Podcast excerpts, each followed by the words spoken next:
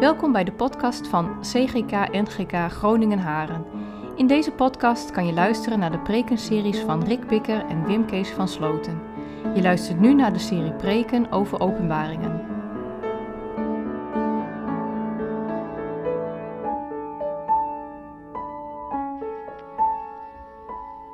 Openbaring 22.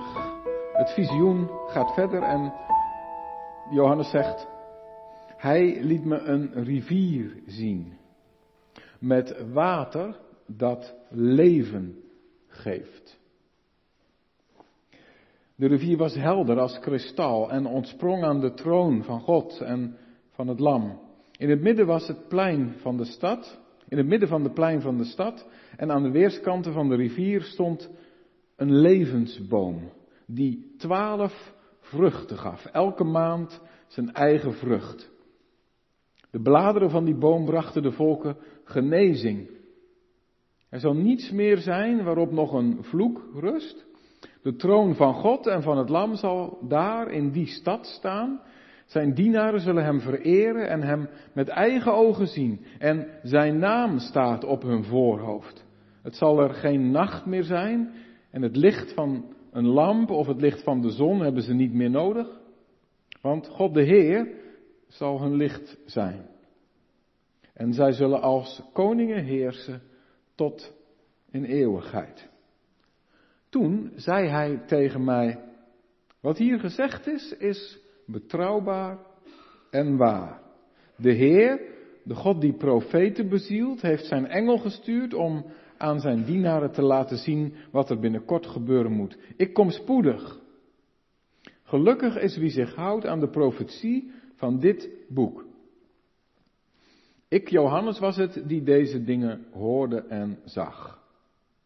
En toen ik alles gehoord en gezien had, wierp ik me neer aan de voeten van de engel die me deze dingen liet zien om hem te aanbidden. Maar hij zei, doe dat niet. Ik ben een dienaar. Zoals jij en je medeprofeten en zoals degene die zich houden aan wat er in dit boek staat. Je moet God aanbidden. Verder zei hij tegen mij, houd de profetie van dit boek niet geheim, want de tijd is nabij. Wie onheil aanricht, zal nog meer onheil aanrichten. En wie onrein is, zal nog onreiner worden. Wie goed doet, zal nog meer goed doen. En wie heilig is, zal nog heiliger worden. Ik kom spoedig. En ik heb het loon bij me om iedereen te belonen naar zijn daden. Ik ben de Alpha en de Omega, de eerste en de laatste, het begin en het einde. Gelukkig zijn zij die hun kleren wassen. Zij kunnen over de levensboom beschikken en zullen de stad door haar poorten binnengaan. Buiten is de plaats voor de honden die zich bezighouden met toverij en ontucht, met moord en afgodendienst, voor iedereen die de leugen koestert en er naar handelt. Ik, Jezus, heb mijn engel gestuurd om jullie deze dingen bekend te maken voor de gemeente. Ik ben de telg van David, zijn nakomeling. Ik ben de stralende morgenster. De geest en de bruid zeggen, kom. Laat wie luistert zeggen, kom. Laat wie dorst heeft komen. Laat wie dat wil, vrij drinken van het water dat leven geeft. Ik verklaar tegenover een ieder die de profetie van dit boek hoort, als iemand er iets aan toevoegt, zal God hem de plagen toevoegen die in dit boek beschreven staan. En als iemand iets afneemt van wat in dit boek van deze profetie staat, zal God hem zijn deel afnemen van de levensboom en van de heilige stad, zoals die in dit boek beschreven zijn. Hij die van deze dingen getuigt zegt, ja, ik kom spoedig. Amen. Kom, Heere Jezus. De genade van onze Heer Jezus zij met u allen. Amen. Wil eh, van, uh, vanmiddag samen met jullie eigenlijk twee stukken doen van uh, wat we hebben gelezen. Eerst over die, uh, dat plaatje over Jeruzalem en de rivier. En dan daarna dan heeft Johannes eigenlijk dat visioen afgesloten, of dan heeft, heeft hij het laatste daarvan gezien, en dan heeft hij er nog een slot aan, en dan heeft hij eigenlijk een soort reactie ook daarop. En ik denk dat die reactie ons ook helpt om te kijken van wat mogen wij nou doen met die woorden van het Bijbelboek openbaring. Dus dat zijn de twee dingen. Het laatste stukje van het visioen en daarna de reactie van Johannes daarop en wat er daarna gebeuren mag. Gemeente van de Heer Jezus Christus. Um, ik denk dat velen van jullie uh, Siebrand Wierda uh, beter kennen dan ik. Ik denk dat een heel aantal van jullie ook hele goede herinneringen hebben aan de tijd dat uh, Siebrand in ons midden was. Uh, ik heb heel veel uh, met hem samengewerkt in de periode dat ik vlakbij Amsterdam woonde en hij in Amsterdam. We konden altijd heel goed samen. Maar er was één ding, daar hadden Siebrand en ik altijd ruzie over. Dat was niet heel erge ruzie hoor. Maar Siebrand die zei altijd, ik woon in de stad, want ik ben zendeling in de stad. Want God doet zijn werk allereerst in de stad. Weet je hoe ik dat weet? Want later, als er de nieuwe hemel en de nieuwe aarde komen, dan wordt dat ook aangeduid met een stad. Het nieuwe Jeruzalem, dat is ook een stad. En dat was altijd zijn punt. En dan dacht ik altijd, ik weet niet of ik dat nou een mooie ontwikkeling vind. Ik dacht dan altijd, wat mij veel meer aanspreekt is die tuin, waar het mee begint. Dan heb ik eigenlijk, dat vind ik mooier dan die stad. Als ik mocht kiezen, nou daarom woon ik ook in een dorp. Ik heb liever de tuin dan de stad. Dus ik vond het altijd een beetje teleurstellend van Siebrand. Dat hij zo blij was over die stad. En ik denk, ja, zijn er dan wolkenkrabbers in het nieuwe Jeruzalem? Nou, daar hadden wij altijd zo'n beetje zo'n vrolijk gekibbel over met elkaar.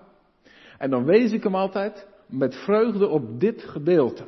En dan zei ik tegen hem, Siebrand, alles goed en wel, maar je begrijpt toch wel dat er in ieder geval heel veel bomen staan in die stad. Op zijn minst twee. En ik zal jullie straks uit het Oude Testament aanwijzen nog veel meer. En daar kom ik zo wel even op. Dan wil ik eigenlijk beginnen, gemeente. Het laatste wat Johannes mag zien over die stad, die eigenlijk natuurlijk een enorm grote tempel is, hè, daar hebben we het de vorige keer over gehad, omdat God daar zelf woont, in het midden van zijn volk. Daar wordt dan over verteld dat die stad dus eigenlijk ook een tuin is. Want er staat iets over een rivier. En er staan om die rivier bomen. En er worden er twee genoemd. En ik noemde het natuurlijk net al, maar ik hoop dat als je dit leest, dat je dat dan zelf ook al hebt. Dat je dan denkt aan Genesis 2, waar ook een rivier liep door die tuin van God. En dat daar ook twee bomen stonden. Nou was het dan in Genesis 2 natuurlijk zo, dat wat daar verteld werd over die bomen, was eigenlijk aan de ene kant gaven ze leven, de boom des levens, maar aan de andere kant maakte die andere boom ook een soort afstand tussen God en zijn schepselen. De boom van kennis van goed en kwaad. Dat was levengevend, maar het was ook spannend. En daaromheen hebben we dan natuurlijk ook wat dan uitloopt in de zondeval. Hè? Dat heeft ook te maken met de vrucht die je eet van die boom. En daar, proef je nog dat er een, een belofte zit in die bomen en er zit een, een gave van leven in, maar er zit ook een, iets spannends over de afstand tussen de eeuwige God en kleine schepseltjes.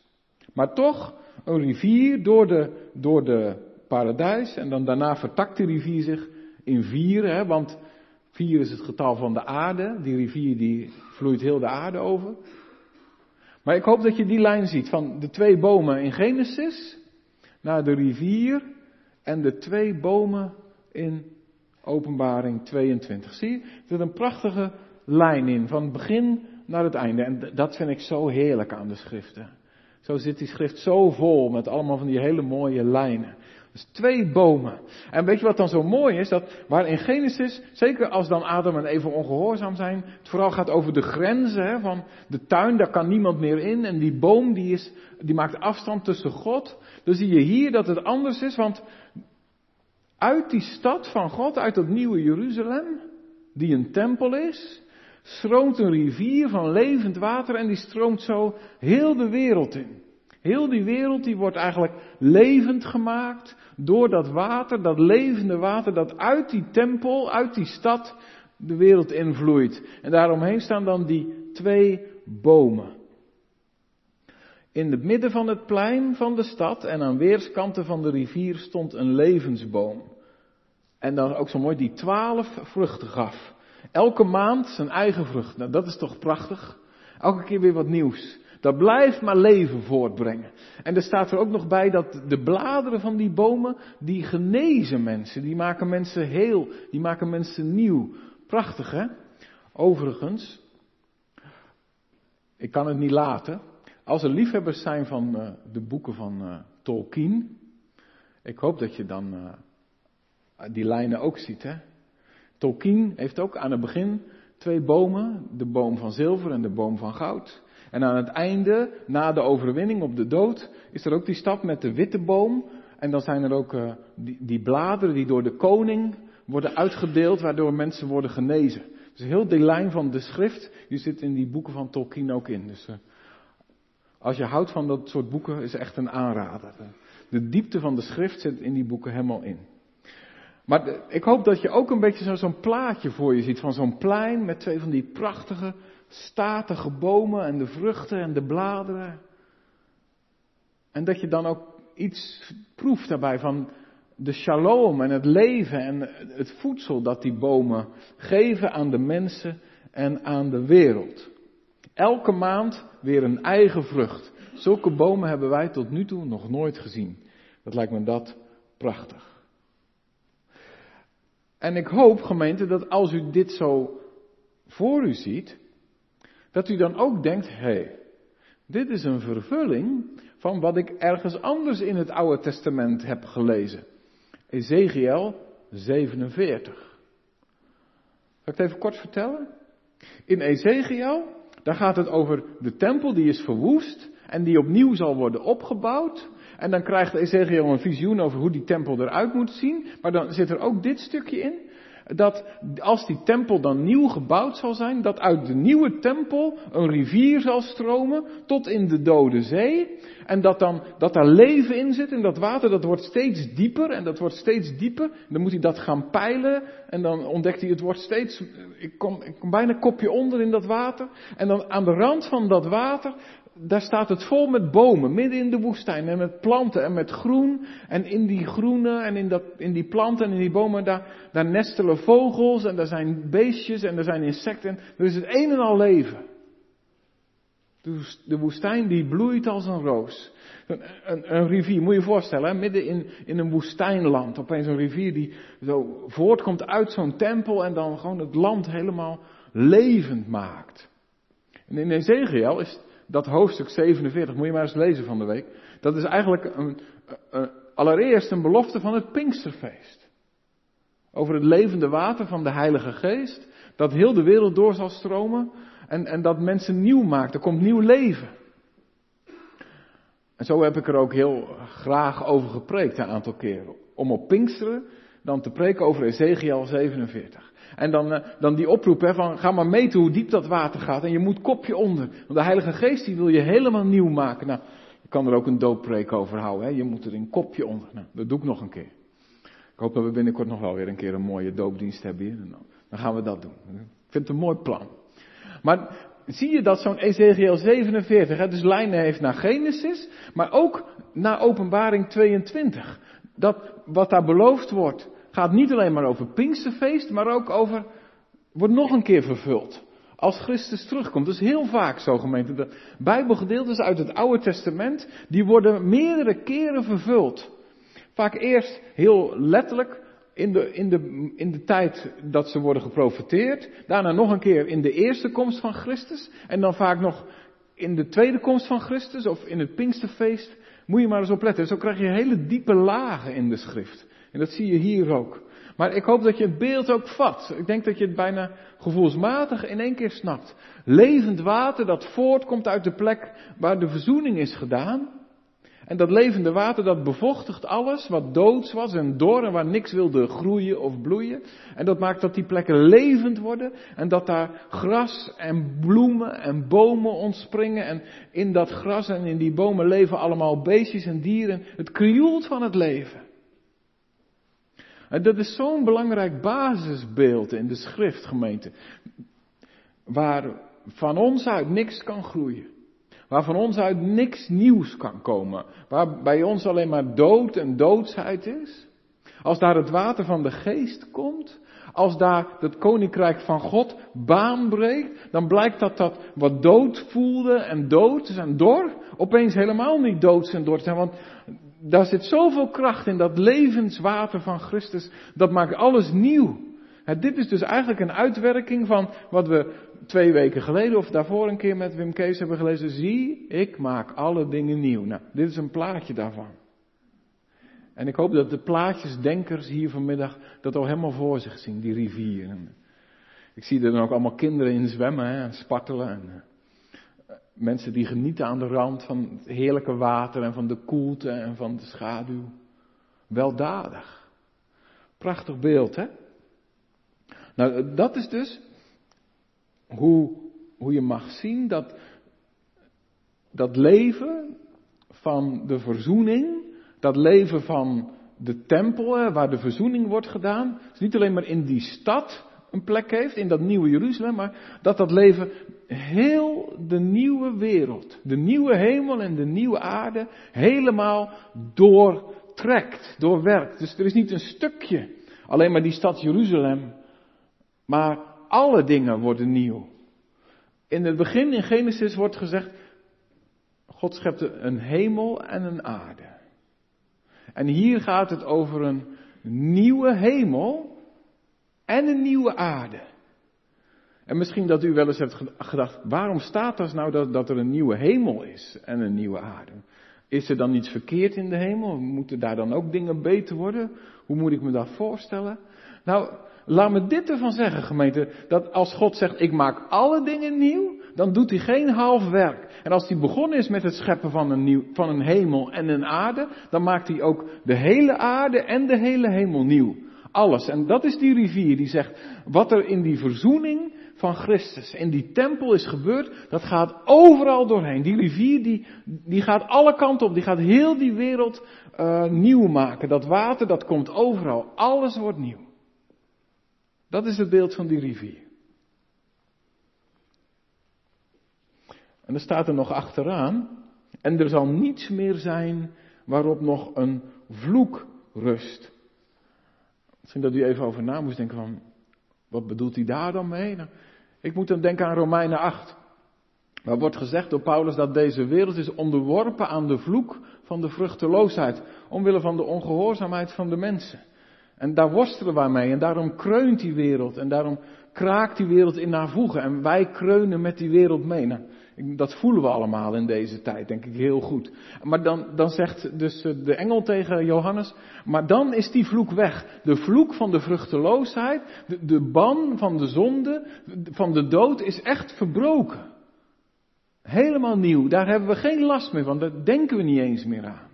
Ik denk dat we dat niet eens kunnen voorstellen hoe heerlijk dat leven dan is, hoe vrij dat leven dan is. En er wordt ook even getekend van, nou welke beelden horen daar dan bij? Eén, opeens wordt dit voor het eerst gemeente in de schrift, dat je leest dat er wordt beloofd dat wij God zullen zien. Eerder in de openbaring wordt wel gezegd dat je de troon van God ziet. Of het voetenbankje van de troon van God. Of de zoom van zijn kleed. Maar God zien, dat wordt eigenlijk nooit in de schrift eerder genoemd van dat gebeurt nu. Maar hier is dat opeens iets wat aan de orde is. De troon van God en van het lam zal in de stad staan. Zijn dienaren zullen hem vereren en hem met eigen ogen zien. Zij zullen God zien. Jezus heeft het er al over. En hier is het dat het wordt beloofd. Als dat volle leven aanbreekt, dat je God mag zien, dat je het kan, dat je het kan verdragen om zijn heerlijkheid te zien. En dan staat er ook, en zijn naam zal op hun voorhoofd zijn. Dat betekent, alles wat je denkt en wat je overweegt, dat wordt niet meer bepaald door die zonde. Dat wordt niet meer daardoor naar beneden getrokken of onvruchtbaar gemaakt. Maar je, je bent helemaal van Hem. Je bent in alles van Hem. Zijn naam staat. Je bent van Hem. Heerlijk hè? Prachtig mooi. En dan uh, is er ook geen lamp meer nodig. Er is alleen maar het licht van God. En zijn troon is zichtbaar. En dan mogen wij met hem heersen tot in eeuwigheid. Ik denk dat dat ook een scheppingsverordening is. Dat wij als mensen ook graag ordenen. En dingen een plek geven, regeren. Dat betekent dat je iets beheert. En dat je een verantwoordelijkheid hebt. Dus ik denk dat je hier ook mag uithalen dat de eeuwigheid lang niet saai zal zijn. Maar er dan ook nog van alles moois te doen is en te beleven. Er mooie verantwoordelijkheden liggen voor je. Waarin je ook weer mag groeien en waarin je God mag eren. Hoe dat eruit ziet weet ik eigenlijk niet zo goed. Maar ik kan zeggen, laat je fantasie er maar eens op eh, los. Tot in eeuwigheid.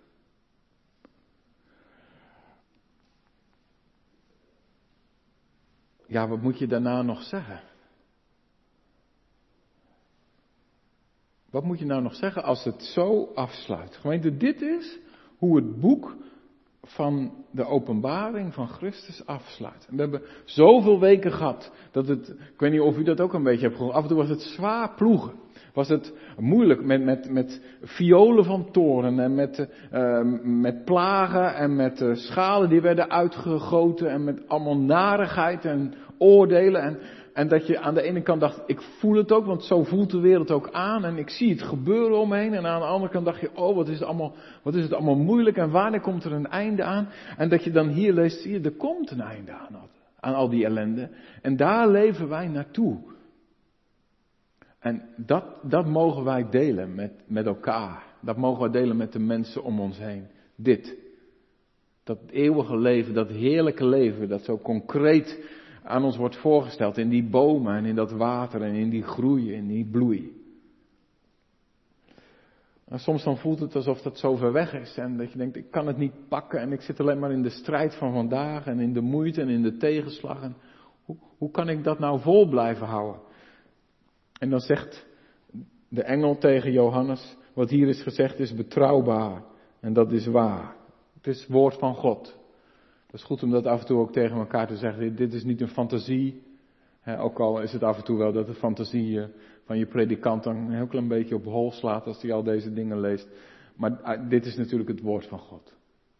En dit is ook zijn belofte. We hebben vanmorgen gezegd van Noach, die moest ook leven van de belofte toen hij in die ark zat. Hij zag alleen maar chaos om zich heen. Maar God beloofde, ik zal je vasthouden, ik zal je redden. Er komt een nieuw begin. En zo ook hier. Zo mogen wij ook vasthouden aan dat woord van God. Dit is betrouwbaar. Lieve mensen, dit is betrouwbaar. Dit is het woord van God. Hier gaat het op aan. En dan, uh, dan zegt de Heer Jezus, ik kom spoedig. dat is ook zo'n aansporing om, om het vol te houden, om Hem te verwachten. Ik heb er wel eens een klein beetje een grapje bij gemaakt. Dat ik zei, uh, ik weet wanneer de Heer Jezus terugkomt. Want af en toe dan lees je wel eens uh, op zo'n internetsite dat er weer een dominee is die weet welk jaar dat dan zal zijn. Ik, nou, dan zal ik ook een keer wat ervan zeggen. Ik weet wanneer de Heer Jezus terugkomt. Want dat staat in openbaring 22. Ik kom spoedig. Ik vind dat zo mooi dat dat, dat ons ook helpt. Verwacht hem nou, want hij, lag niet, hij wacht niet langer dan nodig is. En als je wil weten van hoe dat dan werkt, hè, van hoe dat spoedig dan werkt, moet je eens even kijken in de brieven van Petrus. Wij hebben het wel eens over die duizend jaar en over die ene dag. Nou, dat gaat over dit. Eigenlijk mag je zo zeggen.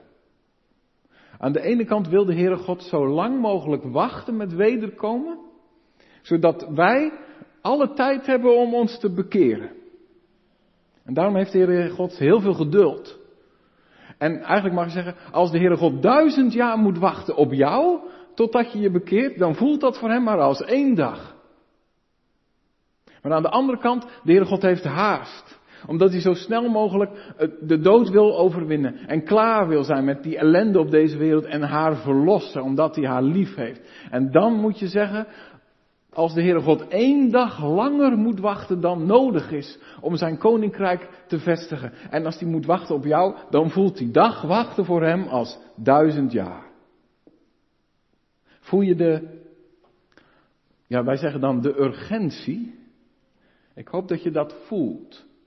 Dat vind ik zo mooi. Dat maakt dat die woorden beweging hebben en kracht. En ik hoop dat wij ook die urgentie ook hebben van het, komt erop aan dat wij Hem verwachten en dat wij bidden wat hier boven de deur staat, Maranatha. En tegelijkertijd, het komt er dus ook op aan dat wij dat evangelie delen met de mensen om ons heen. Ze zitten erop te wachten.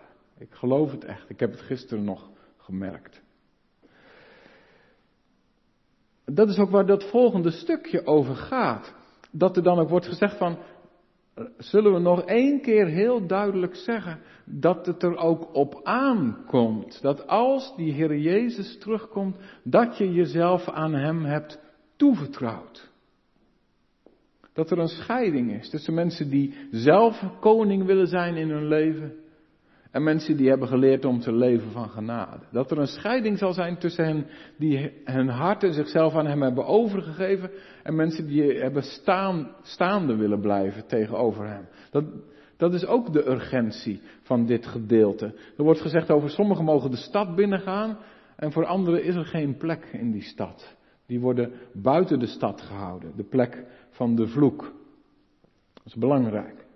Dat staat bijvoorbeeld in vers 12. Hè? Ik kom spoedig en ik heb het loon bij me.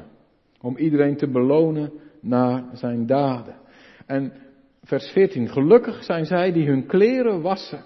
Dat is, die gewassen zijn in het bloed van het lam. Hun kleren zullen zijn als wit, wit als sneeuw. En, en dan krijg je meteen dat andere beeld weer, hè, wat we eerder in de openbaring hebben gezien, over die, die schade die niemand tellen kan. 144.000, dat is precies evenveel.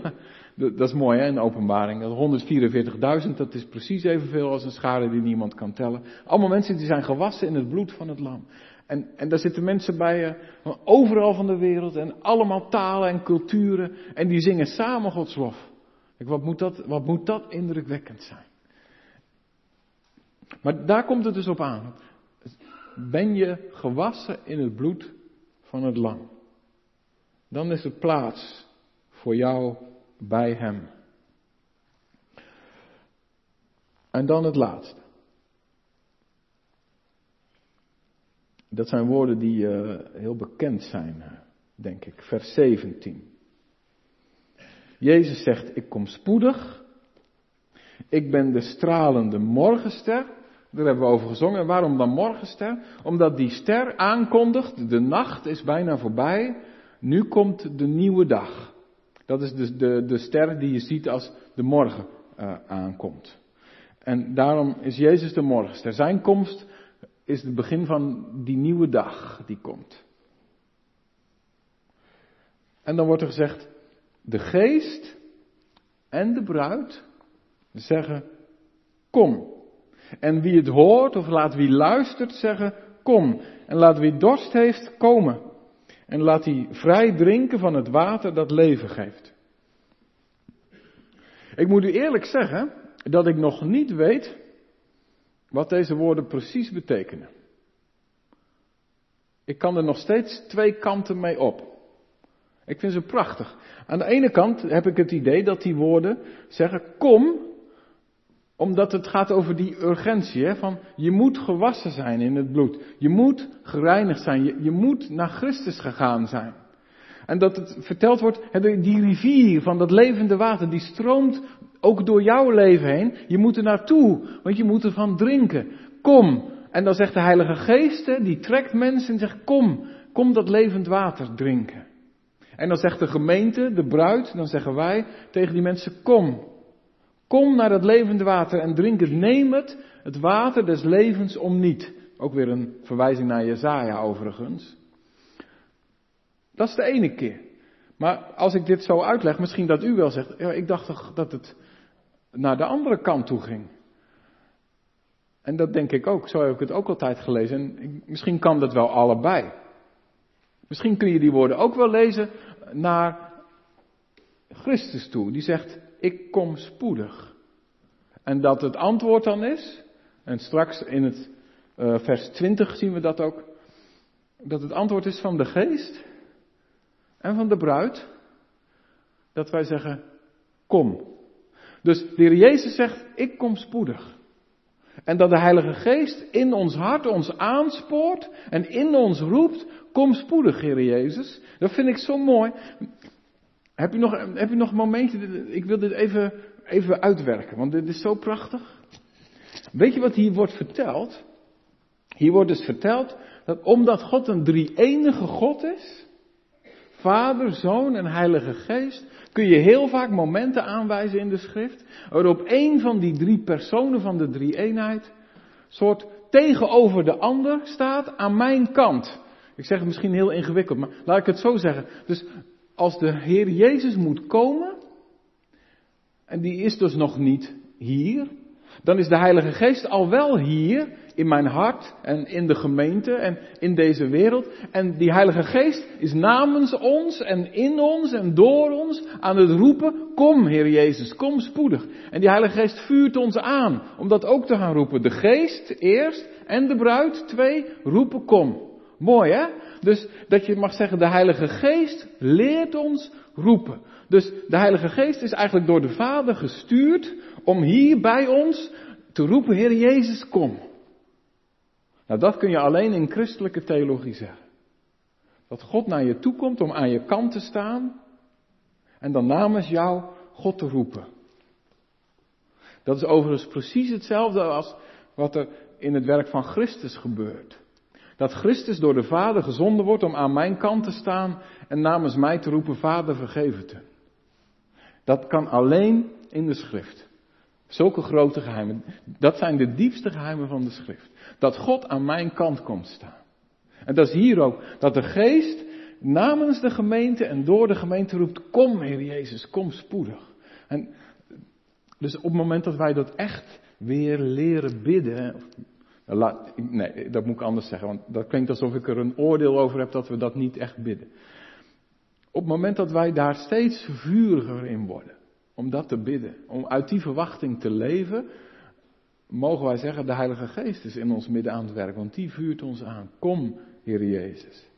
En dat staat dan nog een keer in vers 20. Hij die van deze dingen getuigt, zegt, ja, ik kom spoedig. En dan is het antwoord, ja, kom, Heer Jezus.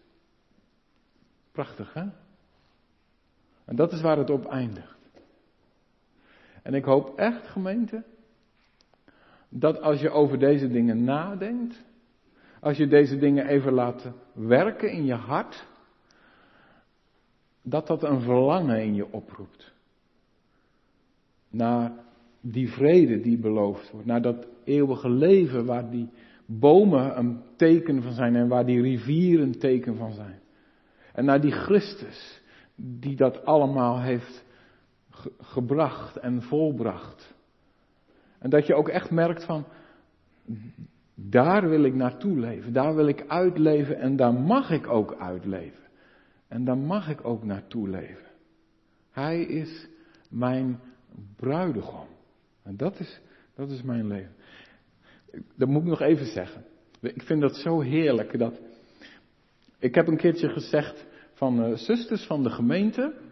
Als jullie samen met de broeders van de gemeente zingen dat wij Gods zonen zijn, dan gaat het ook over jou. Wij zijn Gods zonen MV, hè? Want uh, een zoon is in de schrift een erfgenaam. En dat je dan als zuster in de gemeente mag zeggen, ik ben een zoon van God, dat voelt een beetje apart. Nou, nu zijn even de broeders aan de beurt. Ik vind het dan ook zo heerlijk dat de schrift ons voorgaat dat wij als broeders mogen leren zeggen, Heer Jezus, u bent mijn bruidegom. Dat is toch ook mooi? Daar zit ook dat, dat je denkt, ja, ja, maar het zit er wel in, in de schrift. Heerlijk, hè? Dat, dat je echt die woorden mag gebruiken over hoezeer hij jou lief heeft. Dus we zijn zijn bruid, MV. Heer Jezus, ik wil mezelf helemaal aan u geven. Ik wil u zien. Ik wil uw naam op mijn voorhoofd. Ik wil u kennen. Ik wil naar u toe leven. In, in deze tijd waarin zoveel mensen zoeken naar houvast. Waarin zoveel mensen niet weten waar ze het zoeken moeten. En zoveel mensen zich afvragen, wat komt er allemaal nog? En wij mogen zeggen, dit. Hij belooft, ik kom spoedig. Dat wij mogen zeggen, kom Heer Jezus, u bent mijn bruidegom. Amen.